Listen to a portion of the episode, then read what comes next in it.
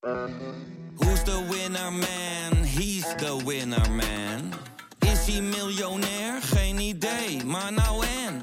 Je hebt geen jackpot nodig to be a winner man. Oh oké, dat is wel lekker man. In de podcast Radio Romano met Noortje Veldhuizen Marcel van Roosmalen. En met Roelof de Vries. brengen we alle drie elke week een zogenaamde signalering mee. Wat heb jij nou weer bij je? En aan het eind bepalen we wie de winnaar van de week is. Echt een angstcultuur aan het Lege worden. huls die je er bent? Ja, dat gaat eigenlijk altijd onvriendelijk. Luister nu naar Radio Romano bij Podimo. Via podimo.nl slash Radio Romano luister je 30 dagen gratis. Председатель Си Цзиньпинь – это единственный лидер из всех мировых лидеров, с которыми мне пришлось, э, с которым мне пришлось отметить один из своих дней rождения. Je hoort Vladimir Poetin. Hij zegt: President Xi Jinping is de enige staatsleider die mijn verjaardag heeft meegevierd. Ik had nooit eerder zo'n relatie met een buitenlandse collega. Dit is Betrouwbare Bronnen met Jaap Jansen.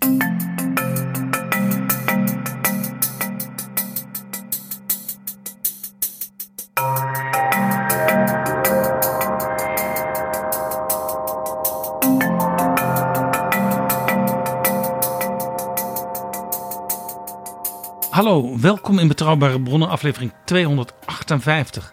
En welkom ook PG. Dag Jaap. PG, de oorlog in Oekraïne woedt voort.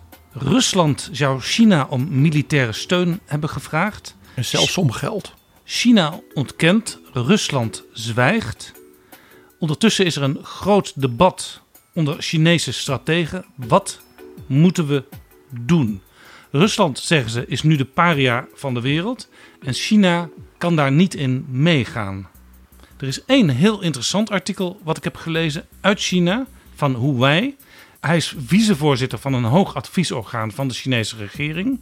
En hij vreest dat uiteindelijk door alles wat Rusland nu in gang heeft gezet, de VS opnieuw dominant zal worden in de wereld.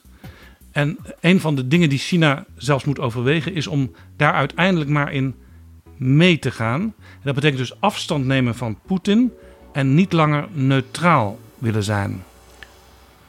Ja, dat artikel dat is nou ja, compleet fascinerend. Eh, omdat de man in feite een aantal scenario's ja, ontwerpt voor wat zou er nu kunnen gaan gebeuren.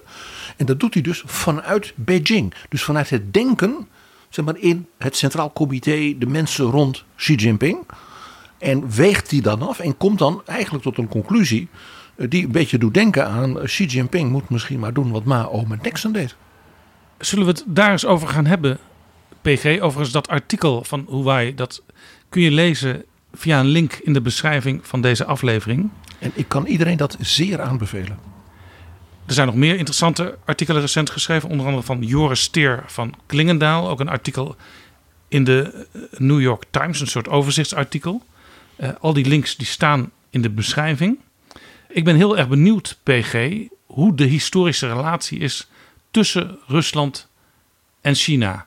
Lang geleden, maar ook van wat recentere datum, toen beide landen communistisch werden.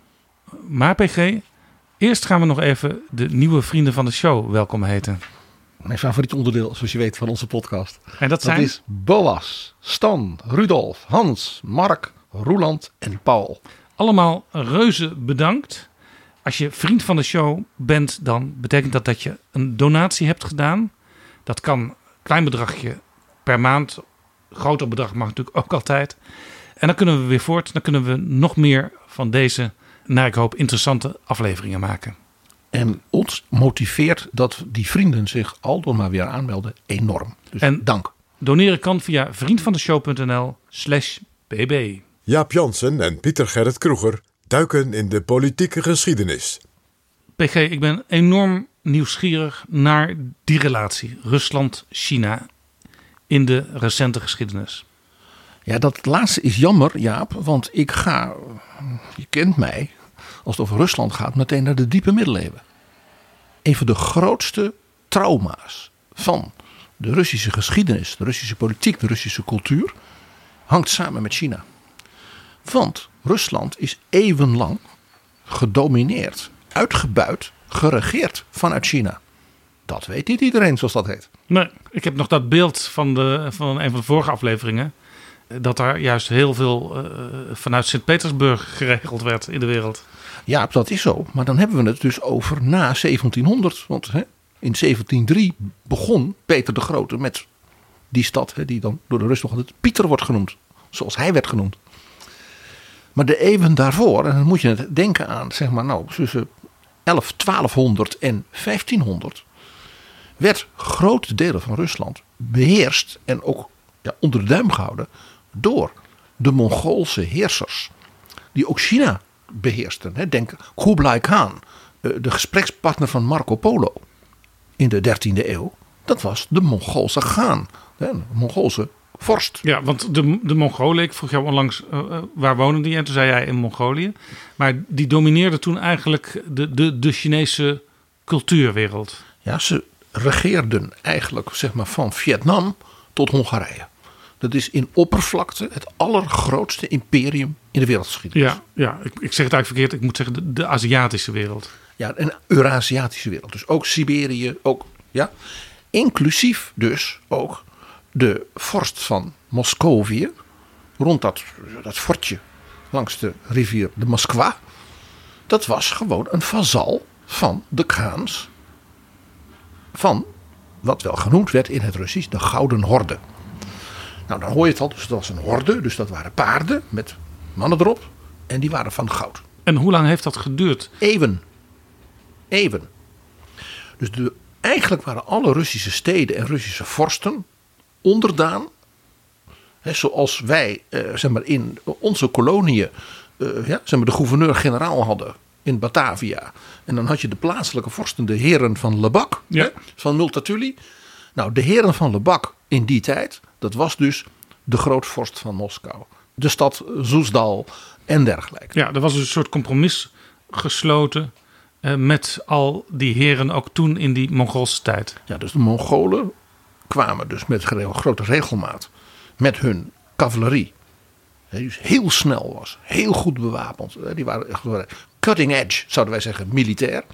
En overvielen dan die steden, plunderden. Uh, en dan uh, gingen ze weer weg. Uh, en dan moest dus die heer beloven dat ze de komende jaren zoveel belasting gingen afdragen. En we weten, dankzij het historisch onderzoek naar de Russische middeleeuwen, dat dus de Mongolen een uitermate verfijnd, zouden wij zeggen, administratief fiscaal systeem over heel Rusland, maar ook over de Caucasus, over de, de zijderoute nou ja, en heel China hadden uitgestrekt. Waardoor ze als het ware dus dat enorme imperium konden beheersen. Dat was zeg maar een, een systeem waar Philips II jaloers op was. Precies. Je zou kunnen zeggen, inderdaad, dat de koning van Spanje had in die 16e eeuw, uh, uh, laat ik zeggen, een aantal Mongoolse adviseurs moeten hebben.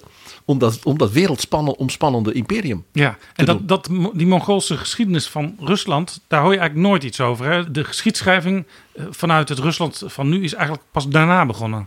Ja, dat is natuurlijk altijd. het is een trauma ja, het idee dat dus Aziatische volkeren de orthodoxie, dus het christelijke Rusland, in feite onder de duim hielden. En dat die vorsten ook allemaal uh, knikten en bogen.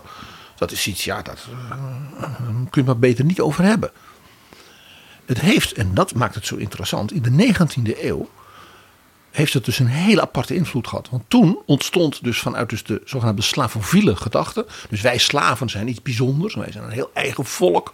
We zijn niet West-Europa. Toen werd ineens het modieus om te zeggen. Wij zijn ook eigenlijk skieten. Wij zijn ruitervolkeren uit het wilde oosten. En daardoor hebben wij Russen iets wilds en iets emotioneels. Ja, maar ook een, een, de Kozakken. En een diepe ziel hebben we ook. En daar werd dus dan niet bij gezegd dat je kunt een hoop van uh, die, die, die, die, die wilde volkeren zeggen, maar orthodoxe christenen waren ze niet. Kiev Rus waren ze niet. Dus dat, werd, dat was een hele apart iets. Dus die hebben ook allemaal, werd er ook bijvoorbeeld in de klassieke muziek, veel door, uh, door, door Gergiev gedirigeerd in de hele wereld. Bijvoorbeeld de Russische componist, later ook Sovjet-componist, die wij in betrouwbare bronnen kennen van Oorlog en Vrede. Prokofjev. Sergei Prokofjev heeft een heel populair stuk geschreven, de Skitische Suite. Dus dat is op een soort volksmuziek van die stammen. eh, uit Azië, Midden-Azië, de Caucasus, eh, richting Siberië. Heel vaak uitgevoerd als een soort pièce de résistance door Valery Gergiev in de hele wereld. Ja. Nou, dus die, die herinnering aan die zeg maar, Mongoolse tijd. In feite dus dat je vanuit China eh, eh, werd geregeerd. Werd dus in de 19e eeuw werd daar iets moois van gemaakt. En ook eh, werd dus het idee dat de Russen zich hebben bevrijd daarvan. Werd als bewijs gebracht van dus de superioriteit van de orthodoxie. En dus ook van de Russische cultuur. Ja. En een heel mooi voorbeeld daarvan. Ik heb twee voorbeelden daarvan, Jaap, uit de cultuur. Allereerst de, de legende van de stad Kitesh. Dat is een legende uit die tijd. Die komt misschien wel uit de nou ja, 10e, 11e eeuw. En dat was dat er dus de stad Kitesh was zo. De mensen waren daar zo vroom. Dat toen dus de Mongolen kwamen. God die stad heeft laten verdwijnen. Waar moeten we die stad situeren? Die, dat weten we niet. Is- En het was aan een meer. En dus de Mongolen konden niet zien dat die stad daar lag. Want dat Maar- spiegelde. Ja, maar de vromen uit Rusland, als die bij dat meer kwamen, dan konden ze dus in dat water de weerspiegeling van die stad zien. De legende van Kites zegt dus, dat is Kites staat dus voor Rusland. Dat God Rusland uiteindelijk zal beschermen. En dat heeft hij ook gedaan, want de Mongolen zijn verslagen. En die, dat, die legende van Kites heeft dus heel veel verhalen daaromheen zijn daar gekomen. En heeft, is uiteindelijk uitgemond in de laatste opera van Rimsky-Korsakov. De legende van de verdwenen stad Kites en het meisje Fevronia. En dat is misschien een van de allermooiste operavoorstellingen die ik ooit in mijn leven in Amsterdam heb gezien.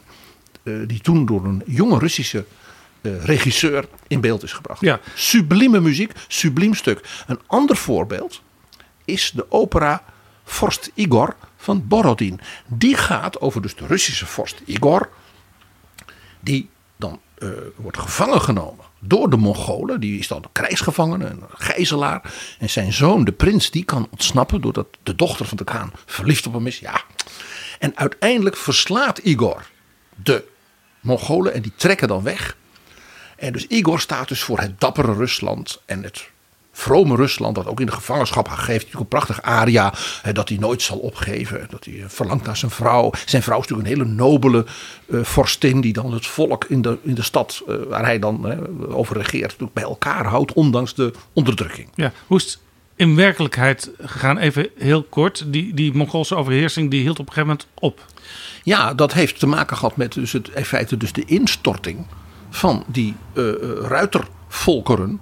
Eh, eh, en ook dus die dynastieën, die, ja, die gingen elkaar natuurlijk ook weer bestrijden.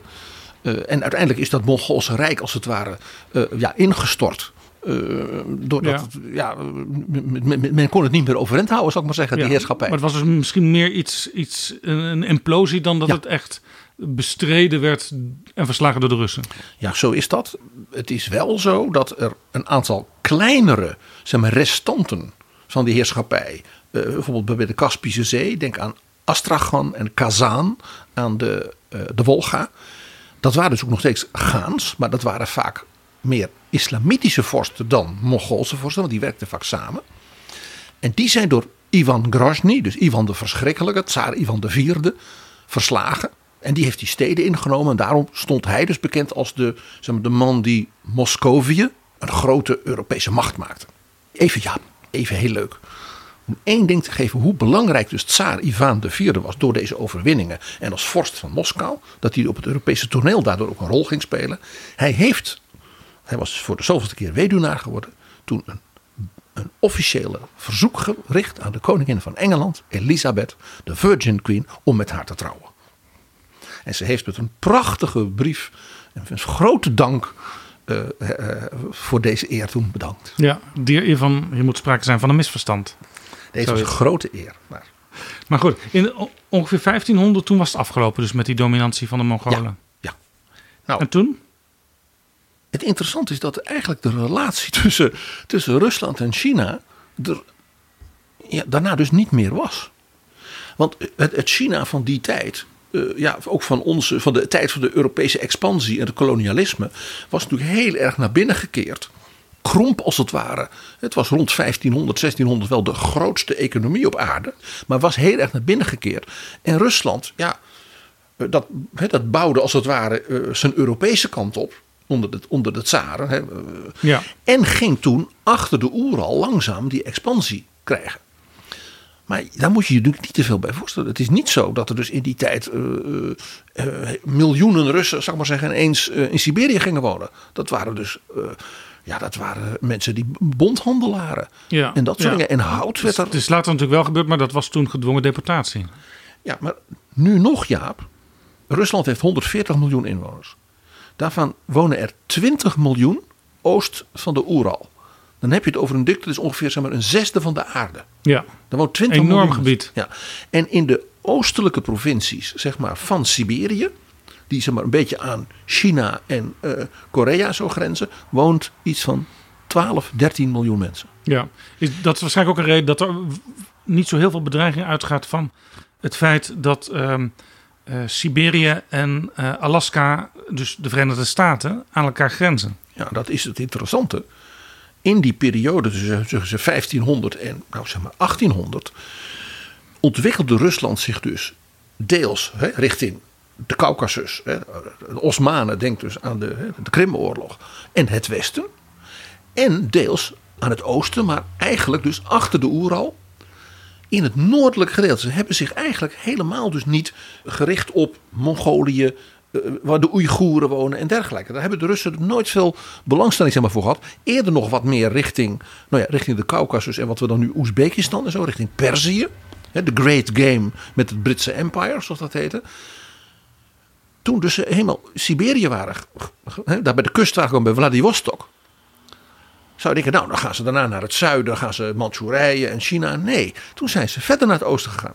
De tsaren hebben natuurlijk Alaska aan zich getrokken. En ook eh, die, die, die hele kust van Canada tot ongeveer San Francisco. Zelfs daar zijn ze ja, geweest. Ja. Want dat leek natuurlijk qua klimaat en economie heel erg op, de- op Rusland. Koud, eh, eh, maar wel veel grondstoffen, eh, bont, eh, hout. Nou, al die dingen die Rusland economisch zeg maar, rijk maakten. Ja. ja, San Francisco is niet koud, hè? Nou ja, het is toch, toch een beetje regenachtig en zo. Dus dat was ook het meest zuidelijke puntje dan, hè, zal ik maar zeggen. En, en hè, de- voor, de, voor de Spanjaarden het meest noordelijke, want daarna vonden ze ons het niet leuk meer. En voor de, voor de Russen zeg maar het meest zuidelijke.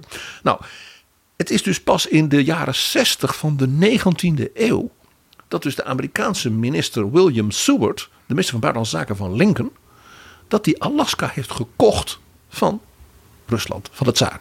En de tsaar was daar blij mee, want ja, hij had er niet zo heel veel aan. En kreeg 7 miljoen dollar. En ja, dat is natuurlijk voor een vorst altijd fijn. Dat was een groot bedrag toen. Ja. Ja, het is altijd raar als je Alaska op de kaart ziet liggen. Het ligt natuurlijk eh, pal naast Canada met een grote eh, Noord-Zuid grens. Eh, gewoon ja, met een potlood getekend zou je kunnen zeggen.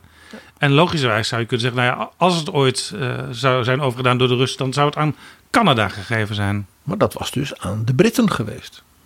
En de Britten waren natuurlijk met hun empire ook een rivaal op het wereldtoneel van. Ja, Rusland. en die Amerikanen die, die waren in feite geen rivaal, want die bemoeiden zich net, net als China eh, vooral met zichzelf. Precies, ja. En de Amerikanen die zagen in Alaska natuurlijk een, een soort expansiemogelijkheid richting de Pacific. Want daar ging het hen om. Ja, Dus dat is heel opmerkelijk dat dus de, de tsaren.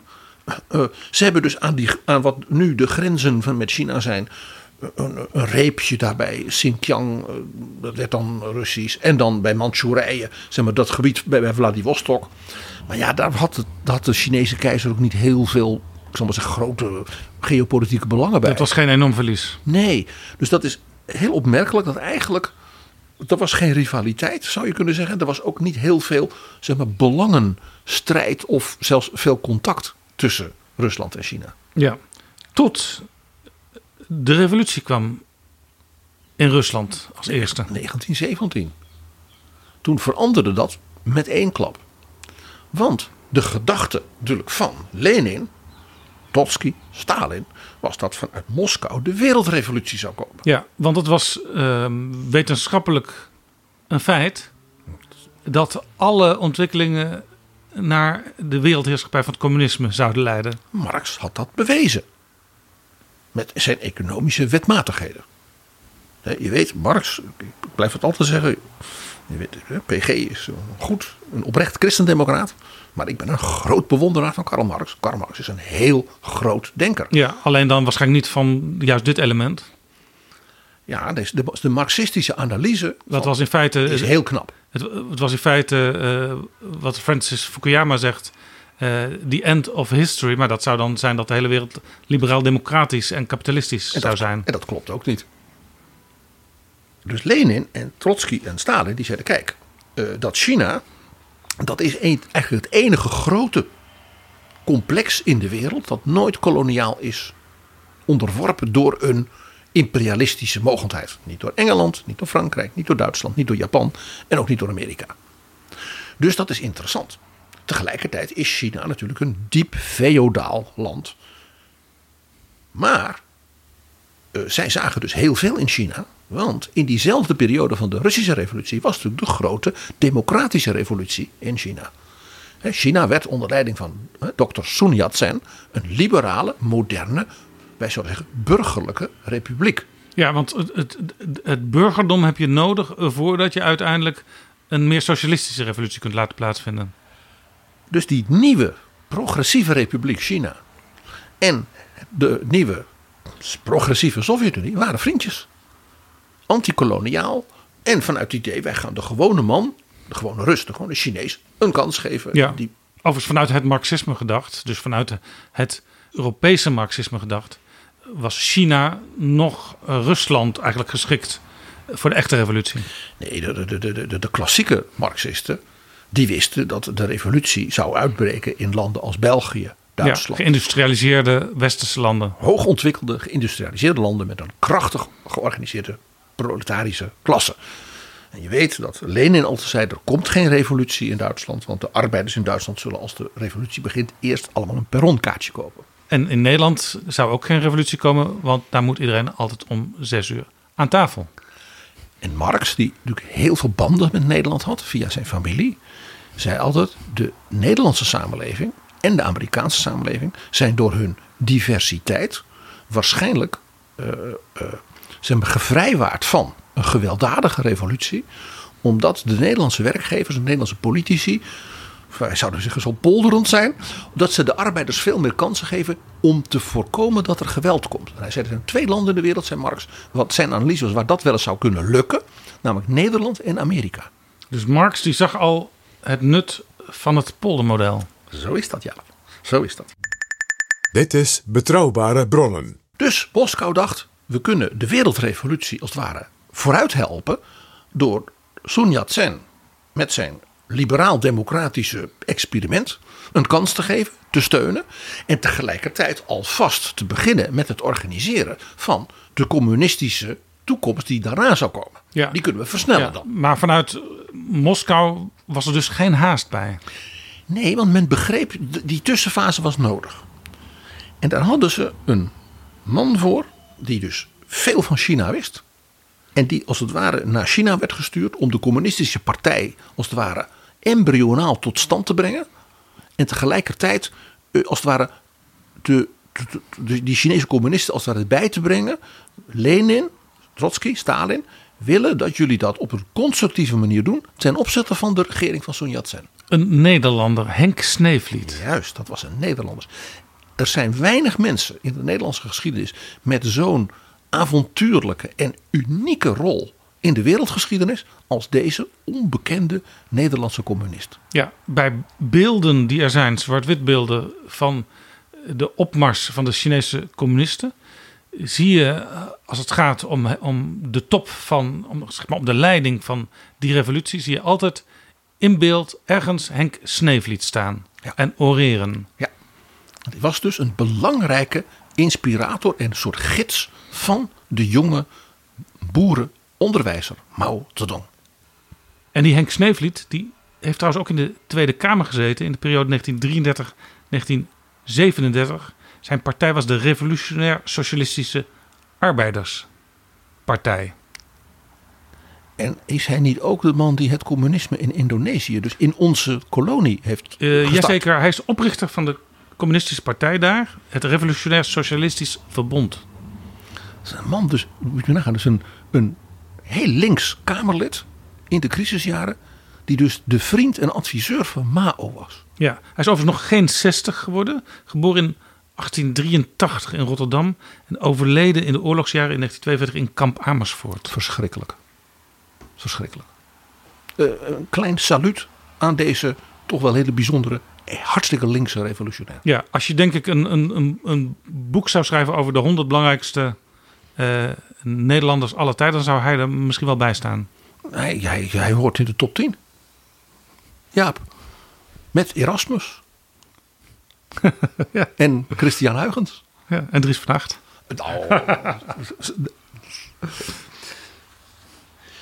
Die jaren dat Sneevliet in de Tweede Kamer zat, dat is natuurlijk niet helemaal toeval, zeg ik nu maar meteen. 33, 37. Dat is natuurlijk de periode dat Stalin ja, de absolute alleenheerser was geworden in het Kremlin. En natuurlijk met zijn grote zuiveringen begon. Ja, Stalin had een groot, groot argwaan naar China. Dus Sneevliet was gewoon niet meer nuttig. Hij kon maar beter eh, in Holland en in Den Haag eh, ja, een bureautje hebben. Dan voor Stalin in China werken, want dat was ongezond. ja. ja dat, en dat besefte Sneevliet zelf ook. Ja, natuurlijk, natuurlijk. Kijk, Stalin had eh, eh, twee redenen om eh, helemaal niks te moeten hebben van China en Mao. En het eerste was dat hij. Stalin haatte boeren. Dat, nou, de arme mensen in Oekraïne hebben dat geweten. Eh, Denk ook aan ons gesprek met Anne Applebaum. Waar kwam dat vandaan? Want Stalin, afkomstig uit eh, Georgië, zal er ook altijd veel, veel boeren om zich heen hebben gehad, ook in zijn jonge jaren. Ja, maar Georgië is een bergland. En dat soort boeren, zoals in Oekraïne en China, daar, daar hield hij niet van. En ja, dat was dus een punt. Eh, Mao, die zei: Marx, Lenin, Stalin hebben ook gelijk. Het proletariaat moet komen door dat de boerenkinderen arbeiders worden en de arbeiders dan proletariaat en zo komt het. Mao zei: maar de boeren in China, die kunnen als het ware die sprong in één keer maken.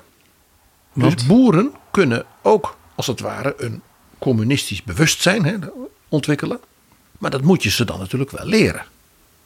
En hè, Mao zag zichzelf als, zoals je weet, als onderwijzer. En die zei dus, je, je kunt de boeren het juiste bewustzijn geven door ze dat te leren. En dan kun je als het ware die, die fase feodalisme, bourgeoisie, proletariaat overslaan. Was dat een, een serieuze redenering of was het meer wensdenken van Mao?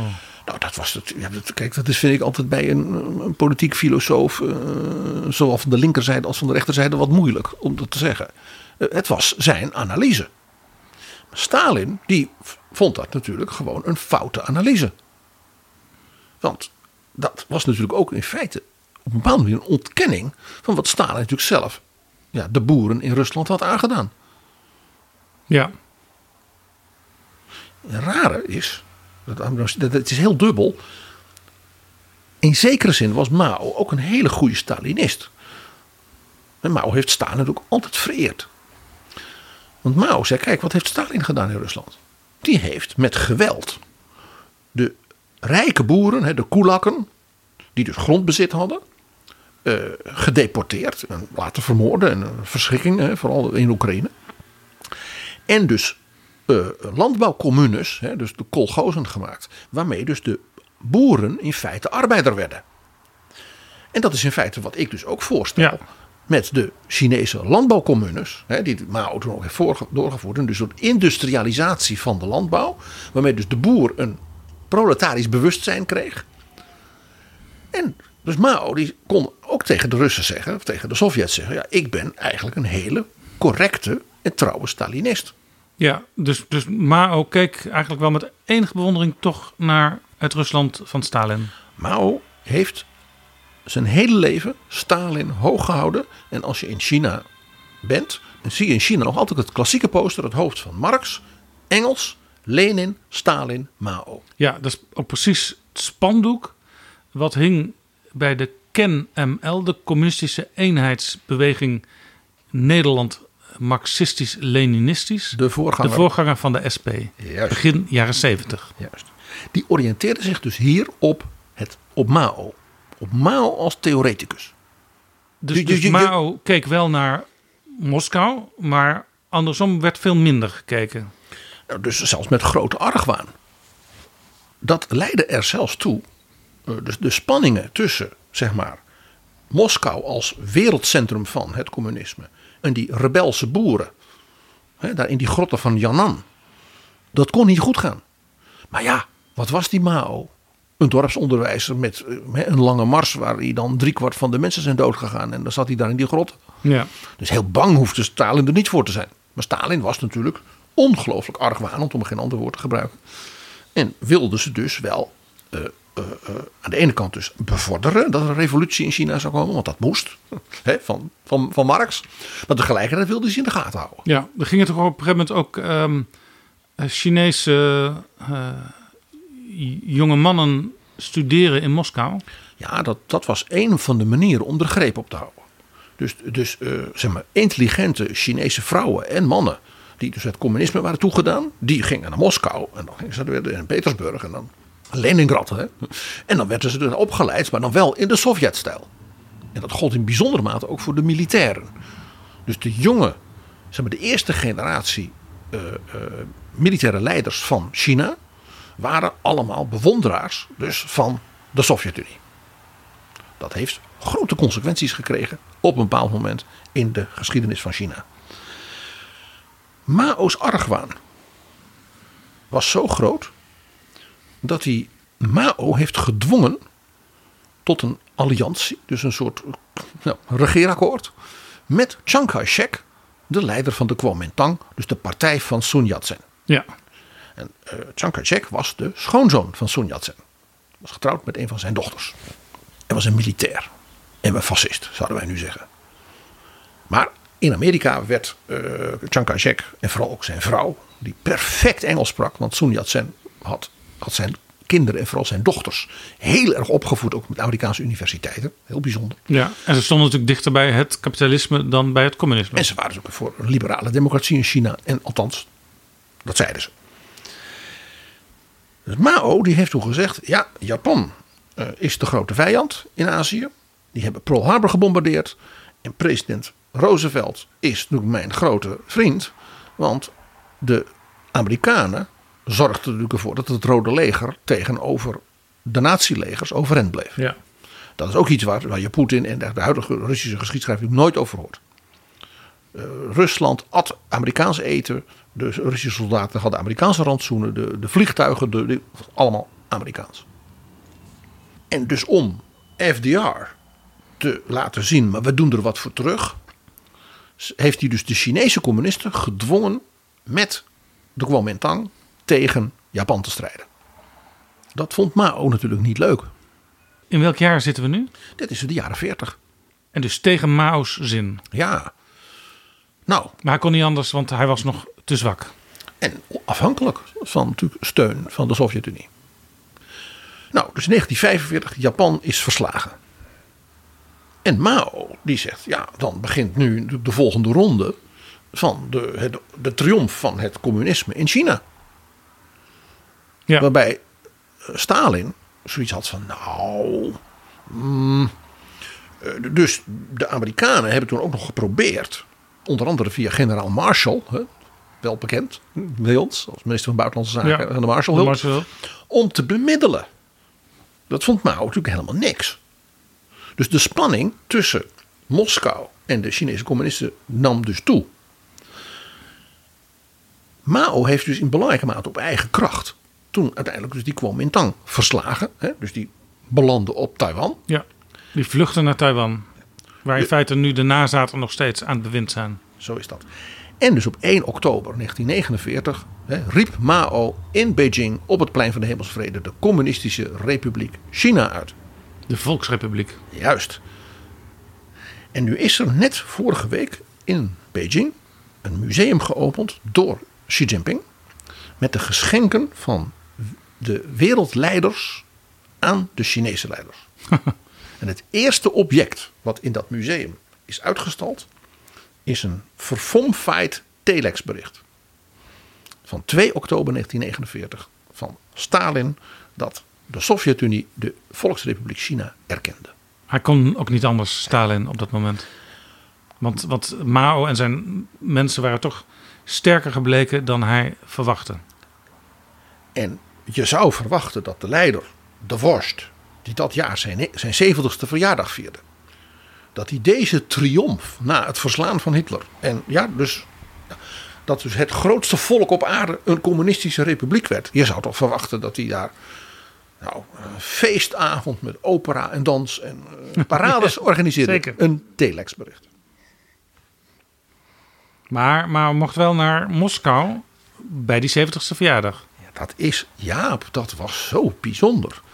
Hij was de eregast. Er zijn dus geweldige beelden van het feestconcert in de Bolshoi natuurlijk. He, vaker verteld, Stalin was een groot kenner en liefhebber van opera. Ja, en dan zie je Mao naast Stalin zitten. Aan zijn rechterhand. En aan zijn linkerhand zit Nikita Khrushchev. Wat was precies de, de reden van die schikking? Mao was de leider van het grootste communistische volk op aarde. China. Ja, want Rusland zelf was natuurlijk het grootste communistische land op aarde. Wat was het De andere grootste communistische volk op aarde? Niet zijnde de Russen. Oekraïne. Oekraïne. En Nikita Khrushchev was de partijleider van Oekraïne. Ah ja. En die, die beelden zijn ook daarom zo fascinerend, want je ziet dat Mao en Stalin elkaar verafschuwden. Overigens, die beelden die zijn ook te zien via een link in de beschrijving van deze aflevering. Een grote documentaire over eh, de, de Russisch-Chinese verhoudingen tijdens het communisme. Mao die ging natuurlijk, eh, ja, die had een eh, boodschappenlijst voor Stalin. En dat was natuurlijk handelsverdragen, eh, leningen. Maar het allerbelangrijkste was natuurlijk een bom. De kernbom. Hij zei: China moet zijn eigen atoombom hebben. En die krijgen wij van u. O grote worst in het Kremlin. Ja, dat was het echte cadeau waar Mao op zat te wachten. Natuurlijk. En wij zijn vrienden en wij zijn ideologische bondgenoten. Dus wij zullen die bom, die Chinese bom, is natuurlijk ter ondersteuning van de Sovjetbom tegen de Amerikanen. Precies. We zullen altijd even contact hebben voordat we hem gebruiken. Nou, Stalin is heel zuinig geweest. Want eh, er was natuurlijk, laten we niet vergeten dat dus in 1946, 47, het jaar na de grote overwinning, Rusland een hongersnood heeft. Wat in het Westen niet bekend was. Maar iets van 10, 12 miljoen mensen zijn omgekomen. Rusland was natuurlijk volkomen verarmd Ja, door die oorlog. En ook door de verschrikkelijke repressie.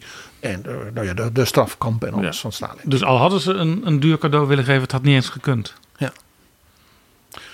Dus wat deed Stalin? Nee, ze konden Russische ingenieurs krijgen. En kon ze helpen met het aanleggen van bruggen. En eh, nou ja, wat typische de gro- grote communistische eh, infrastructuurdingen, grote fabrieken. En dat kon China dan lenen. Dus Mao komt terug. En ja, die moet eigenlijk constateren dat, ja, dat hij in zekere zin met lege handen is gekomen Ja. mooie beloften, maar en leningen, ja. En het jaar erop barst natuurlijk de oorlog in Korea uit. En jij weet, de Chinezen hebben toen geïnterveneerd om het bewind van Kim, hè, overgrootvader Kim, te redden. Dat heeft de Chinezen een miljoen mensen gekost. Denk je, Stalin was toch de baas? Ja, dat was nog veel erger. Kim Il-sung heeft aan Stalin gevraagd: mag ik dat doen? Dus Stalin gezegd: als je dat wil, dan moet je dat doen. En toen het dus helemaal misging en de Amerikanen sloegen terug en die stonden dus aan de Chinees-Koreaanse grens. Ja. Toen gaf Stalin geen thuis. En Mao was ervan overtuigd dat hij dus door Stalin was genept met opzet. Dat dus Stalin had Kim laten gaan. Toen al de familie Kim. Dus Ja, roekeloos. stapelgek. Roekeloos. En dus had China ineens een oorlog met Amerika op zijn eh, op zijn stoep. Ja, dus dit was echt een voorbeeld vanuit Stalin van verdeel en heers. Ja. Laat ze maar met elkaar lekker bezig zijn en elkaar verzwakken. En hebben ze mij nodig. En dan ga ik ondertussen door met de opbouw van mijn Sovjet-Unie.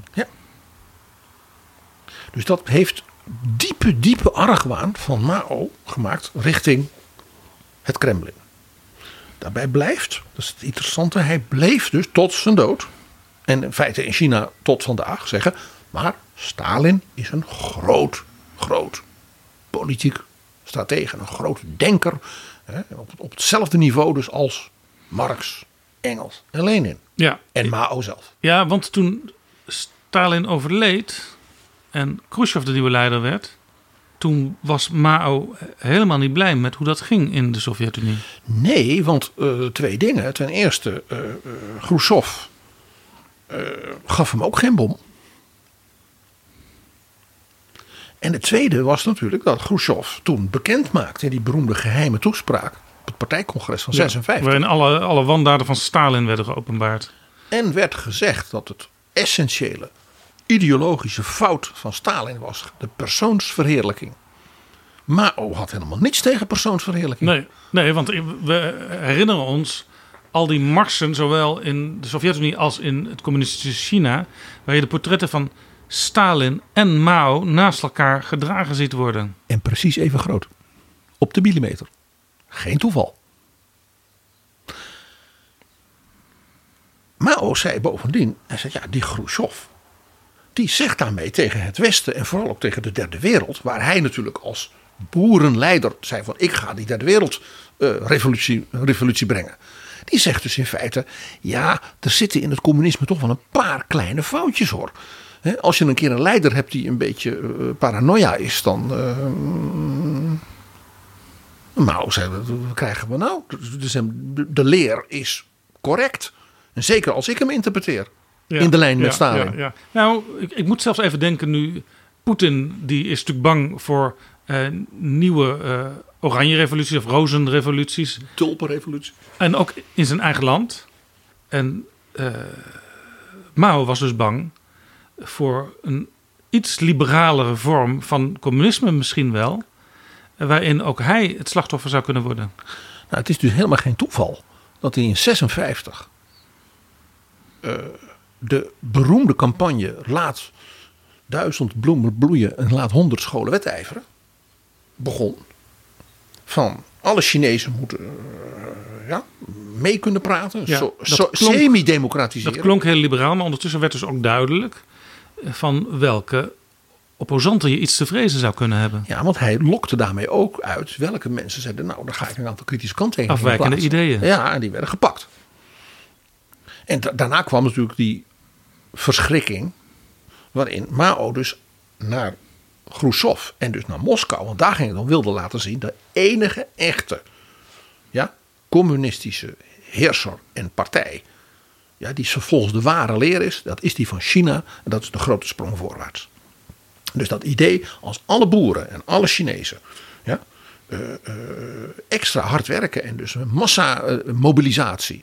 Dan kunnen wij in twee jaar als het ware de Sovjet-Unie inhalen als industriële mogelijkheid. En in tien jaar zelfs wel Amerika. Ja, Nou, je weet waar dat toe geleid heeft. Een hongersnood en een burgeroorlog in China die 30 miljoen mensen het leven precies. En later ook nog de culturele revolutie, waar in feite de Chinese Hetzelfde. jongeren tegen hun ouders werden opgezet. In feite was dat een herhaling van de grote sprong voorwaarts, tien jaar later.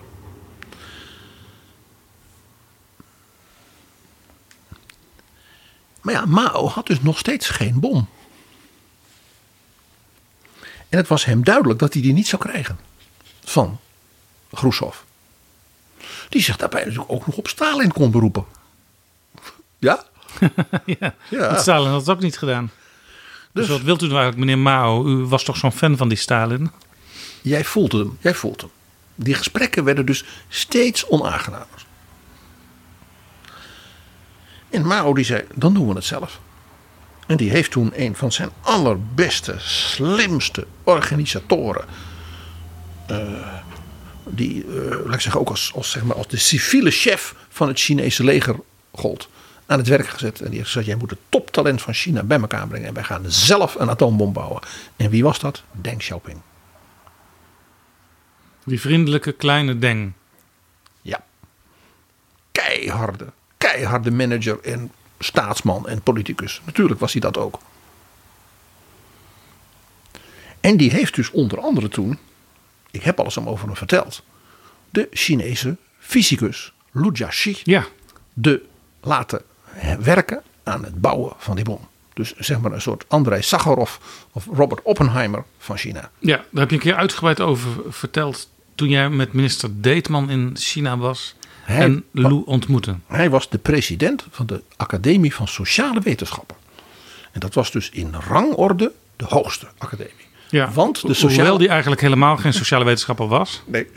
En het Sociale Academie, waarom is die zo hoog? Omdat dat de officiële uitgever is van het verzameld werk van Mao en ook van Deng. Ja, en het marxisme is, je, je zou misschien zeggen een economische wetenschap, maar het is vooral ook een sociale wetenschap. Ja, economie is sociale wetenschap. is geen alfa en geen beta. Is gamma. Dus het was de Gamma Academie. En Lu Jiaxi was daar de president van. Was toen in de 70. En dat was dus een vriend van Deng Xiaoping uit de jaren 50 bij het maken van de Chinese atoombom. En die heb jij dus eh, ontmoet. Ja, meer, meer ontmoet en heel veel mee gepraat in China. En ook toen hij twee, drie maanden later, bijna tien dagen in Den Haag was. Hij heeft zichzelf ongeveer uitgenodigd bij de, onze laatste lunch. En het is een van, nou, een van de meest bijzondere eh, ja, gesprekken en, en, en, en, en relaties die ik in mijn leven heb gehad. En wat zei Lou tegen jou over de bom? Ehm, ja, dat ging als volgt, Jaap. Eh, toen wij bij hem op bezoek waren in Beijing, toen wilde hij laten zien wat China aan de ene kant nodig had aan toptechnologie, zonder als het ware te willen bedelen. Ja, we spreken nu over. 1985. Ja, Dus toen zei hij: Wij hebben op eigen kracht dus die dingen moeten ontwikkelen die het Westen en Rusland ons niet gunden. Hij zei, dat geldt ook voor de computertechnologie. nou, eigenlijk zei hij: we kunnen beter samenwerken, want dan, daar hebben jullie ook nog wat aan. Ja. En zijn analyse, en dat was dus de analyse van Deng Xiaoping, was China moet samenwerken met landen als Zweden, Finland, Nederland. Want dat zijn hele slimme landen die graag heel rijk zijn. Dat zijn ze ook meestal al. En die zijn ruimdenkend en die hebben geen machtsaspiraties. Duitsland heeft dat wel, Frankrijk heeft dat, Engeland, nou ja, de Sovjet-Unie helemaal, Amerika, Ja, Japan. Dus liever met een land als Nederland samenwerken. Juist. Want ze hebben hele goede universiteiten, hele slimme mensen. En ze willen ook graag er een centje aan verdienen. Dus toen heeft hij ons meegenomen naar de kelder van zijn kantoor. Dus een grote flat, typisch zo'n Russische flat eh, in Beijing. En in die kelder, daar was een hele grote mainframe. Computer. Een computer. Die die hebben we zelf gemaakt. Want mevrouw Mao, Jiang Jing, die verbood ons in de NASA-dagen van de culturele revolutie om computers te hebben, want daar zat afluisterapparatuur van de kapitalisten in. Ah ja. Dus complete, eh, wij zouden zeggen, de QAnon eh wappies eh gedachten. Ja, hoewel, zo, zo gek vind ik de gedachte nou ook weer niet. Nee, maar dat in elke computer. Maar ze wilden natuurlijk wel door met, met hun ontwikkeling. Dus een computer bouwen in je eigen huis. Ja, en een zak Japanners, zoals dat in die tijd heette, dat was van Japan. Dus dat, dus dat, dat was ook niet goed. Dus hij vertelde dat ze dus van Ericsson in Zweden. hadden ze als het ware wat eh, van, die, van, die, van die rekenmachines eh, gesmokkeld. Uit elkaar gehaald. En aan de hand daarvan hadden ze dus dat, dat ding gemaakt. Ja, dat model. En toen zei hij, ja, dat is dus voor de, het guidance system zei hij, van onze ruimteraketten. En, en toen, hij werd heel heftig tegen, tegen Deetman en, en- en tegen onze delegatie. Heel heftig, zei hij van. Hij zegt, weet je hoeveel rekenkracht hierin zit? Hij zegt, een scholier bij u heeft op de lagere school al meer. Als hij bij re- rekenondersteuning krijgt. Ja. Hij zei, we hebben dit allemaal from scratch. Van, hij, zegt, hij, zegt, hij, zegt, hij zegt, dat u goed begrijpt, Mr. Detman, zei hij, dat u goed begrijpt, Mr. Detman. Ik bewonder deze wetenschappers en technologen in China. Maar het is toch verschrikkelijk dat wij dus zo achter zijn gebleven. Door ons isolement. En dus toen vroegen wij van, maar hoe, hoe werkt dat dan? Zo'n guidance system en zo'n raket. Want het is toch heel ingewikkeld. Het is ook heel ingewikkeld. Dus we hebben het, um, de meest simpele variant, want die konden we maken. En toen begon hij te grijnzen. Zei hij, ja, zei hij, raketten van ons, ja. Ja, zei hij, not very accurate, Mr. Deadman. Not very accurate. But with the bomb gives a big bang, zei hij. Maybe 50 miles off Moscow, but that's enough. Niet heel precies. Nou ja, dan komt hij 50 kilometer van, van Moskou terecht in plaats van op het Kremlin. Maar die klap is genoeg. Ja, dat was dus een grap, maar ook wel macaber in het licht van die verhoudingen tussen Moskou en Beijing zoals ze zich inmiddels ontwikkeld hadden. Het feit is dat hij zei, we hebben dat ding gemaakt zodat we in de buurt van Moskou kunnen komen. Met onze klap. Dat zei wel iets. En ook dus de, zijn typisch, uh, zijn, zijn buitengewoon vrolijke, het is een hele vrolijke man. Je had het eerder over studenten, mannen en vrouwen uit China in Moskou. Die dus op allerlei uh, hoge niveaus inmiddels aan het werk waren gegaan in China, ook in de krijgsmacht. Hoe ging het daar verder mee? Ja, er was dus in China ook een soort zeg maar, pro-Sovjet laag die contacten met het Westen liever niet had. Dus het grappige was dus een, was een soort interne coalitie tussen de extreme uh, revolutionairen zoals mevrouw Mao en die Sovjetvleugel. Die waren alle twee tegen contacten met het Westen. Ja. En toen uh, de spanningen dus tussen de Sovjet-Unie en China steeds verder opliepen. En er dus in 1969, 1970 zelfs een zeer bloedige grensoorlog is geweest. Het is de enige keer hè, in de naoorlogse geschiedenis dat twee zeg maar, van de supermachten met atoombommen met elkaar op de grens hebben gevochten. Ja, de spanningen liepen hoog op. Op een plek uh, waar uh, toevallig eigenlijk aan beide zijden, ook vlak bij elkaar, twee legerkampementen gevestigd ja, waren. Ja, dat is enorm uit de hand gelopen. En dat was voor Mao, die natuurlijk toen inmiddels oud was, 1969, 1970. En uh, die culturele revolutie was dus, nou ja, bedwongen, zal ik maar zeggen. Toch het moment om te zeggen, ja, China moet uit zijn isolement. En dat werd dus de geheime reis van Henry Kissinger naar Beijing. Ja. En het bezoek van, van Nixon, Nixon aan Mao het jaar daarna, 1972. Ja. Hij voelde zich dus echt geïsoleerd en, en de, de relatie was. De relatie met de Russen was tot het dieptepunt gedaald. En het meest uh, schrikwekkende moment voor Mao is geweest dat hij erachter kwam dat de man die hij had aangewezen als zijn opvolger, Lin Biao, dat was een man van het leger, dat hij dus, zo zei men, een spion bleek voor het Kremlin en had geprobeerd een coup voor te bereiden. Ja, Lin Biao was ook opgeleid in Moskou. En dat was zo'n militair opgeleid in de, ja, die dus tegen de opening naar het westen was. En dus dacht van, nou, als we nou een coup plegen en Mao uh, komt om, dan gaan we zeggen, ja, hij was oud en is dood. En Lin Biao was dan de opvolger. En dan zou dus de pro-Moskou-lijn in Beijing aan de macht zijn. En dat is dus verraden, dat complot. En Lin Biao is toen met een Chinees vliegtuig, dus een militair vliegtuig, gevlucht richting de Sovjet-Unie. En is in Mongolië door de Chinese luchtmacht neergeschoten. Ja. En Mao is toen, uh, heeft toen ook een, een herseninfarct gekregen van de stress. En dat was voor hem dus de reden om te versnellen die opening naar de Verenigde Staten. Ja, toen was dus al een kleine twintig jaar was er een, een hele bekoelde, uh, bevroren bijna relatie met de Sovjet-Unie.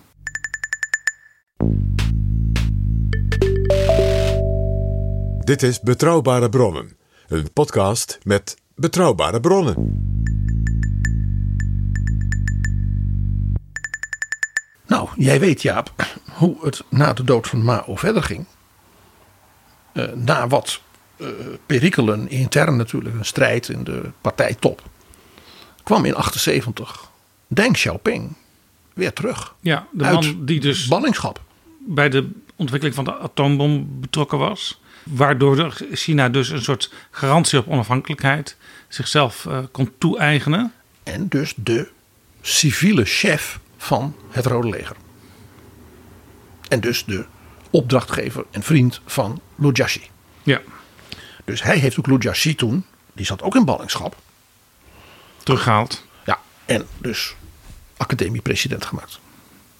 Lou Jiaxi heeft verteld dat hij in, eh, in dus de culturele revolutie en die periode, dus eh, om een juist proletarisch bewustzijn te krijgen, in een uh, landbouwcommune moest werken als varkenshoeder. Ja. Maar goed, PG, uh, Nixon was op bezoek geweest met Kissinger. En alle andere westerse leiders. En de Amerikanen gebruikten dat bezoek ook om Rusland en China nog wat meer aan elkaar te spelen. Ja, want uh, in het diepste geheim heeft men in de woestijn bij Mongolië dus afluistercentra gebouwd van het allernieuwste Amerikaanse high-tech. Voor de Chinezen? Voor de Chinezen. Om de Russen beter in de smiezen te kunnen halen. En natuurlijk ook om voor de Amerikanen om kernproeven en andere dingen in Siberië in de gaten te houden. Dus dat was een echte strategische alliantie van de geheime diensten ook. Van Amerika en China. Ja. Daarbij kwam dat Deng, toen hij zijn hervormingsbeleid ging doorzetten. Uh, toen wij daar dus in 85 waren, was er weer zo'n enorme. Was er het Nationaal Volkscongres kwam bijeen in de week dat wij in China waren. En nam dus een hele serie uh, belangrijke hervormingsmaatregelen. Dus onze gastheren, en, zoals Lou en zo, die waren razend enthousiast, want we mogen nog meer. Dat is dezelfde periode, diezelfde maand ongeveer, trad toen Michail Gorbachev aan als die jonge leider die dan eindelijk na Brezhnev en Andropov en die Chernenko iets van dynamiek in die Sovjet-Unie moest gaan brengen. Ja. Nou, wij weten, we hebben het er een keer over gehad, dat Deng Xiaoping, de oude keiharde eh, leider, Gorbachev een prutser vond. Ja, want hij vond Gorbachev begint aan de verkeerde kant. Gorbachev begint met geestelijke vrijheid, freedom of speech. En wij Chinezen gaan proberen, en dat zijn we al flink eind mee gevorderd, met economische ontwikkeling. Maar de partij, die had nog immer recht. Die moet gewoon de baas blijven, dominant. De tragiek was natuurlijk dat Deng zijn analyse volkomen correct was. Gorbachev ging ten onder. Wij hebben in het Westen natuurlijk warme gevoelens bij hem, omdat wij van die waarden van vrijheid en dat soort dingen zijn. Maar als je het gedistanceerd bekijkt, dan had natuurlijk Deng gewoon gelijk. Ja, en heel veel Russen die zullen Deng nu ook extra gelijk geven. Gorbachev was een prutser. En uh, die had ook niet nagedacht over wat er dan zou gebeuren na zeg maar, die opening. Hij dacht dat, dat Lenin dan alsnog gelijk zou krijgen. Ja, nou, was natuurlijk ook voor Gorbachev helaas, kunnen we het waarschijnlijk hem niet meer vragen. Hij is er nog maar, hij geeft nauwelijks nog echt interviews, laat staan lange interviews. Hij is onlangs 90 geworden. Maar Gorbachev zal gedacht hebben, uh, dit is het moment, ik moet nu toeslaan, anders gebeurt er helemaal niks. Ja. En wat hij dan ook deed, uh, hij deed wat hij kon. Ja, en Deng Xiaoping vond natuurlijk eh, dat de Sovjet-Unie die landen in Oost-Europa vrijheid gaf. Dat was natuurlijk allemaal prachtig. Maar dat betekent natuurlijk in feite een nog grotere overwinning voor het kapitalistische Europa. Ja, want die landen wisten niet hoe snel ze bij Europa en bij de NAVO moesten komen. Het is dus geen toeval, Jaap, dat Xi Jinping op dit moment zo'n merkwaardige soort oorlog aan het voeren is met Litouwen. Dat is een van dus die Baltische landen uit de vroegere Sovjet-Unie. Waarvan dus de Chinezen zeggen, ja die Gorbachev, een kluns. Ja. Laat dat allemaal gaan. Jij weet dat Gorbachev nog geprobeerd heeft in Litouwen, zelfs met het Rode Leger, ja, de, de, de vrijheid te onderdrukken. Ja. Nou, toen heeft Bush gezegd, als je dat Ja. doet, dan is het over. Maar je zegt Xi Jinping? En Xi Jinping heeft dus nu een soort handelsoorlog en meer van dat soort dingen met Litouwen. Omdat Litouwen heeft gezegd, wij willen normale, ook handelsrelaties met Taiwan ontwikkelen. En hij gebruikt dus Litouwen als een soort exempel, zoals Deng Xiaoping Nederland, als stempel gebruikte toen met de onderzeebotenkwestie. Ja, ja. Dan, dan Nederland leed daaronder. Eh er was een boycott. Ja. Eh, dat was de, de economische relaties met China dat was eigenlijk nog een niet groot. waarschuwing aan Duitsland, aan Frankrijk, aan Spanje, noem maar op. Als jullie dit ook doen, dan kunnen jullie dit ook verwachten. En het kleine Nederland werd daar uitgezocht, zoals nu Litouwen wordt uitgezocht. hoogst opmerkelijk element. En dat heeft dus alles te maken met de geschiedenis waar wij het nu over hebben. Van dus de verhoudingen tussen Rusland, Sovjet-Unie en China. Ook als rivalen, als systeemrivalen. Ja, Deng Xiaoping is natuurlijk de grote winnaar. Als je kijkt hoe hij China op koers heeft gezet tot waar het nu is. En je kijkt wat er van de Sovjet-Unie is overgebleven. Ja, Eh, dat is natuurlijk, eh, nou laat ik zo zeggen, het, de twee beelden, de eindeloze file van die verrotte vrachtwagens van Poetin en dan tegenover de hogesnelheidstreinen van China. Dus het product van Denks eh, eh, innovatieve geest. ja, toch. Er wordt wel gezegd dat eh Vladimir Vladimirovich Poetin en Xi Jinping beste vrienden zijn. Ja, dat zijn enorme vrienden zijn Ze dat. komen ook op elkaars verjaardag. Ze bakken samen pannenkoeken met Ja, caviar. bli- Blini, ja, ja. En dan zie je ook dat eh, Xi Jinping dat ontzettend leuk vindt om zo'n soort volks eh, ding te doen. Hij vindt dat helemaal niks. Helemaal niks vindt hij dat. En, eh, vond ik ook een heel bijzonder beeld. Bij de opening van de Olympische Winterspelen stond Poetin ineens naast Xi. Zonder 20 meter corona-afstand die hij in zijn eigen Moskou wel handhaafde. Naar Macron en dergelijke. Ja. Kijk, Xi Jinping weet precies wat hij aan Poetin heeft. Xi Jinping kan ook tellen. Die ziet Poetin en die ziet China. En die zegt: China gaat binnenkort de economie van de Verenigde Staten inhalen. Zoals de droom van de lange termijn strategie van Deng Xiaoping. Ja, En Poetin, en dan zegt hij: wat, wat staat daar? Zegt hij: Rutte, Benelux, ja, eh, Pedro Sanchez staat daar, Ja. Spanje. En Xi Jinping zegt: Ik heb 1,1 miljard inwoners.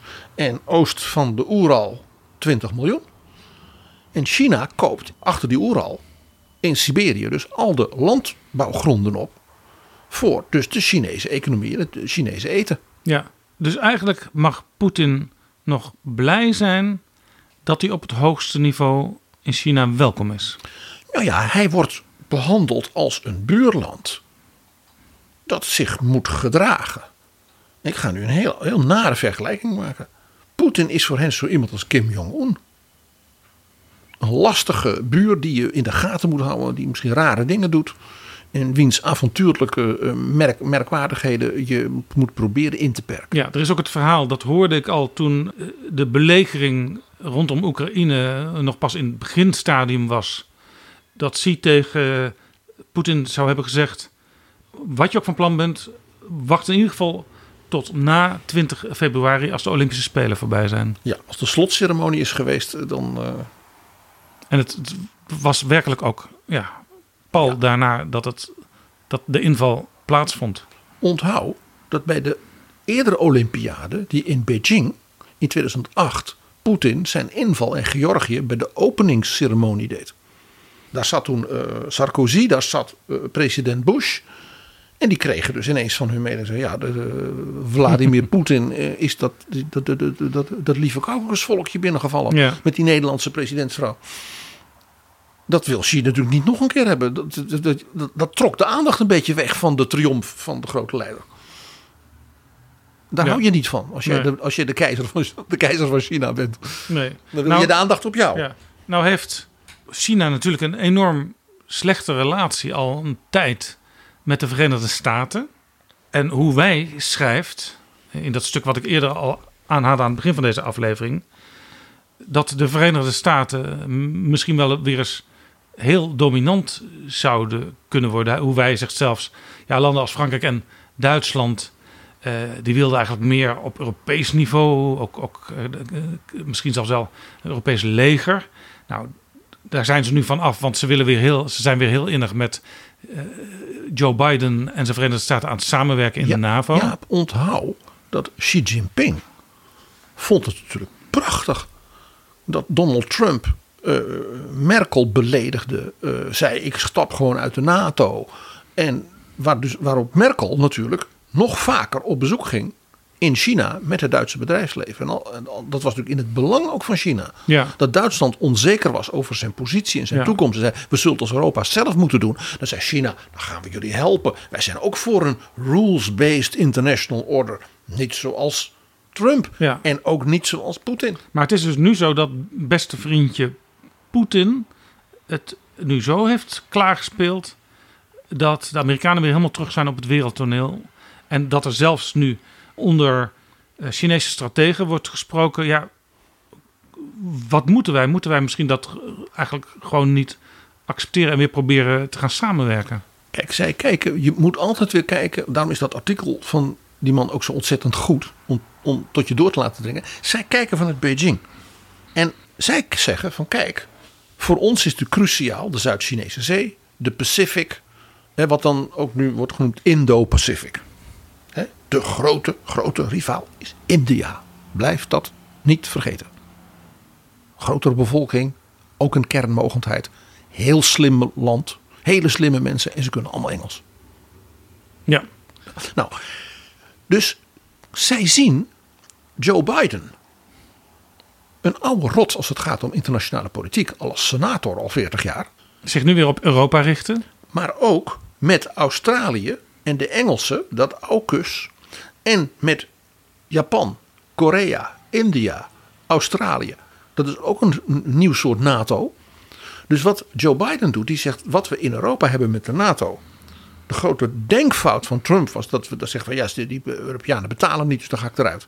Nee, zei Joe Biden, ik wil NATO-achtige structuren van volkeren die elkaar begrijpen en elkaar willen vasthouden, ook rondom China, dus in die Indo-Pacific.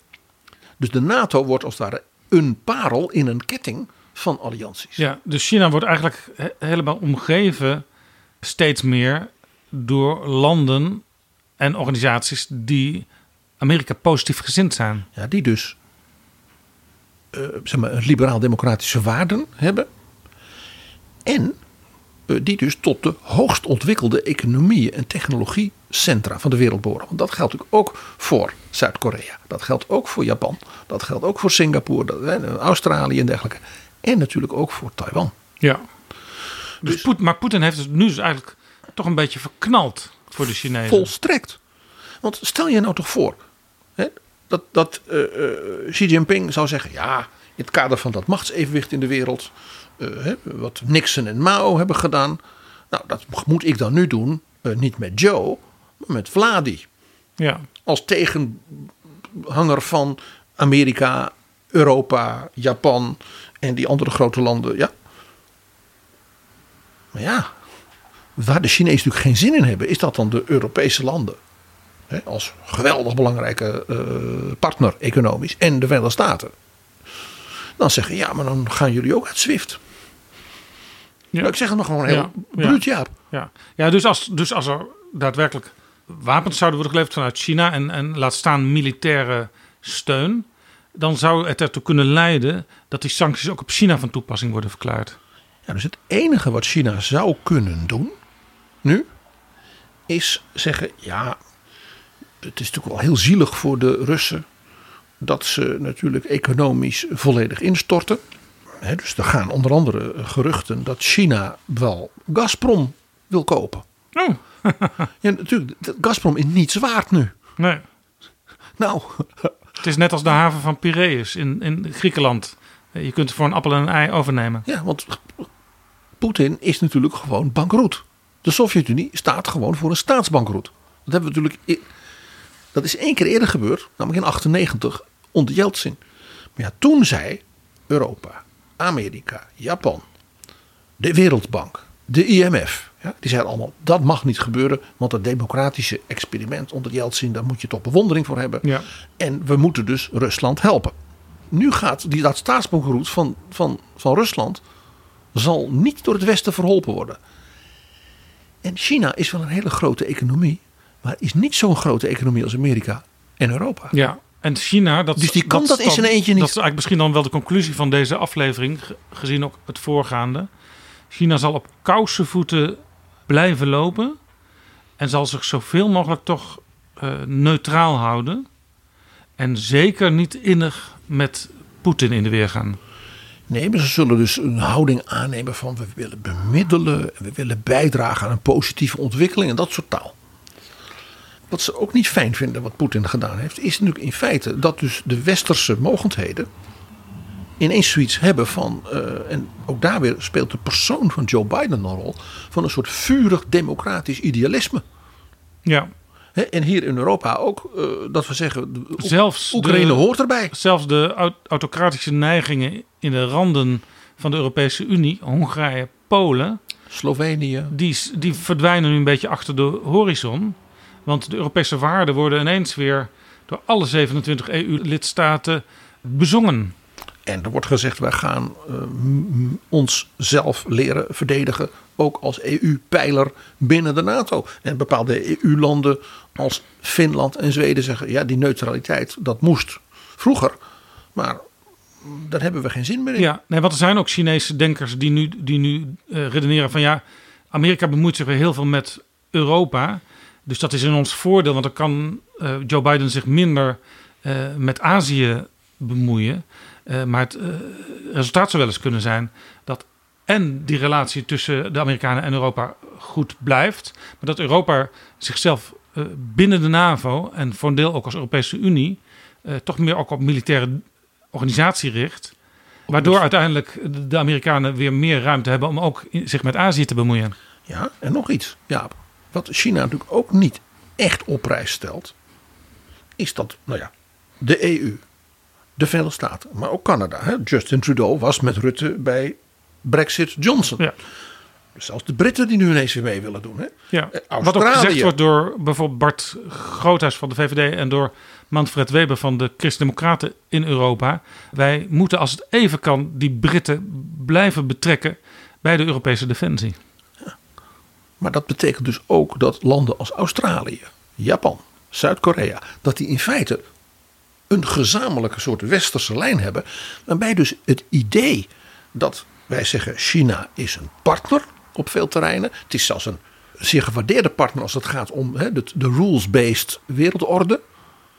Maar het is wel een systeemrivaal als het gaat om vrijheid van denken, van godsdienst eh, enzovoort. Ja, Die systeemrivaliteit gaat dus dan toenemen als dus die westerse landen weer zoiets zeggen van wij laten ons democratie en vrijheid niet afpakken.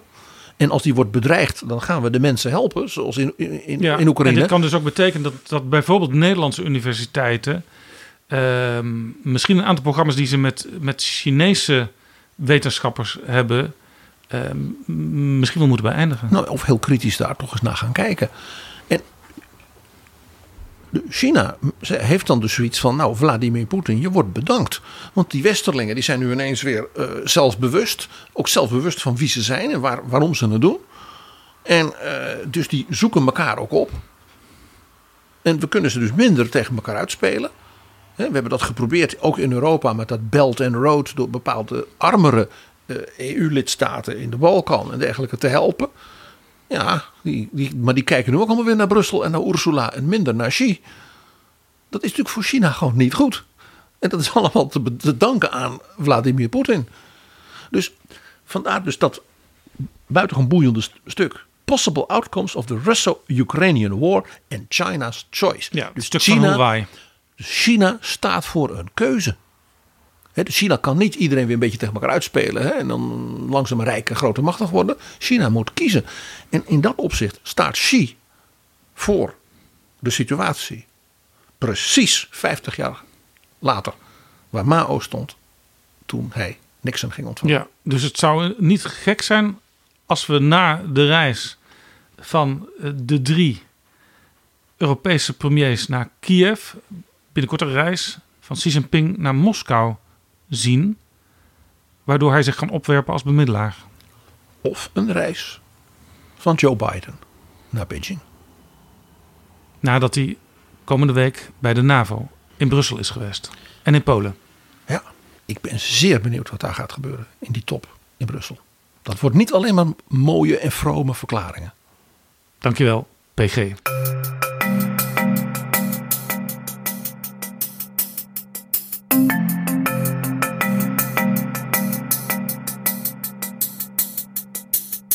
Jaap, we moeten het nog wel even eindigen. Hè? Oh, muziek. Ja, ik had het in het begin over die enorme trauma van de Russen. Over die heerschappij vanuit China hè, door de Gouden Horde en de Mongolen.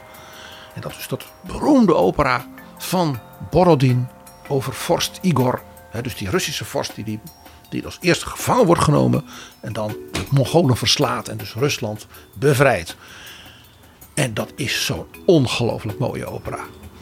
En er is ook een enorm Russisch nationaal gevoel. En uh, prachtige koren en schitterende aria's. En natuurlijk een hele beroemde, veel uitgevoerde Polowetser dansen. Dat is dus een dans van de Polowetsen. Dat was zo'n Mongolen stam.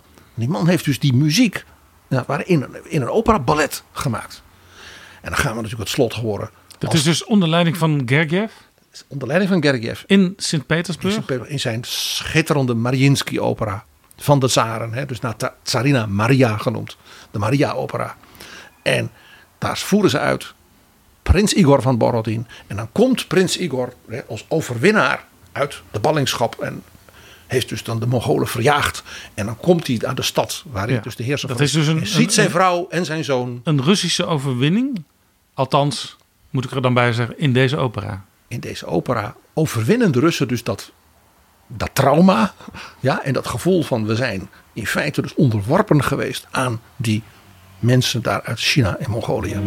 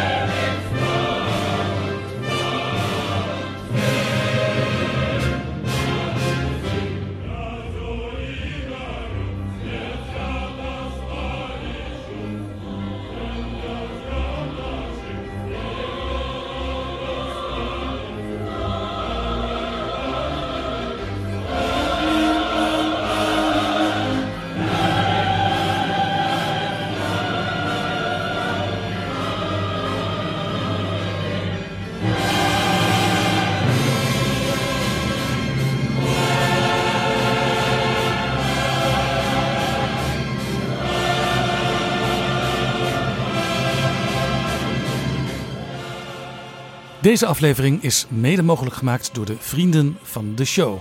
Wil jij ons ook helpen met een donatie, klein of groot? Alles is welkom. Dan kunnen we nog veel meer van dit soort afleveringen maken. Tot volgende keer en dankjewel. BG. Dat is toch mooi hè? Betrouwbare bronnen wordt gemaakt door Jaap Jansen in samenwerking met dag en nacht.nl.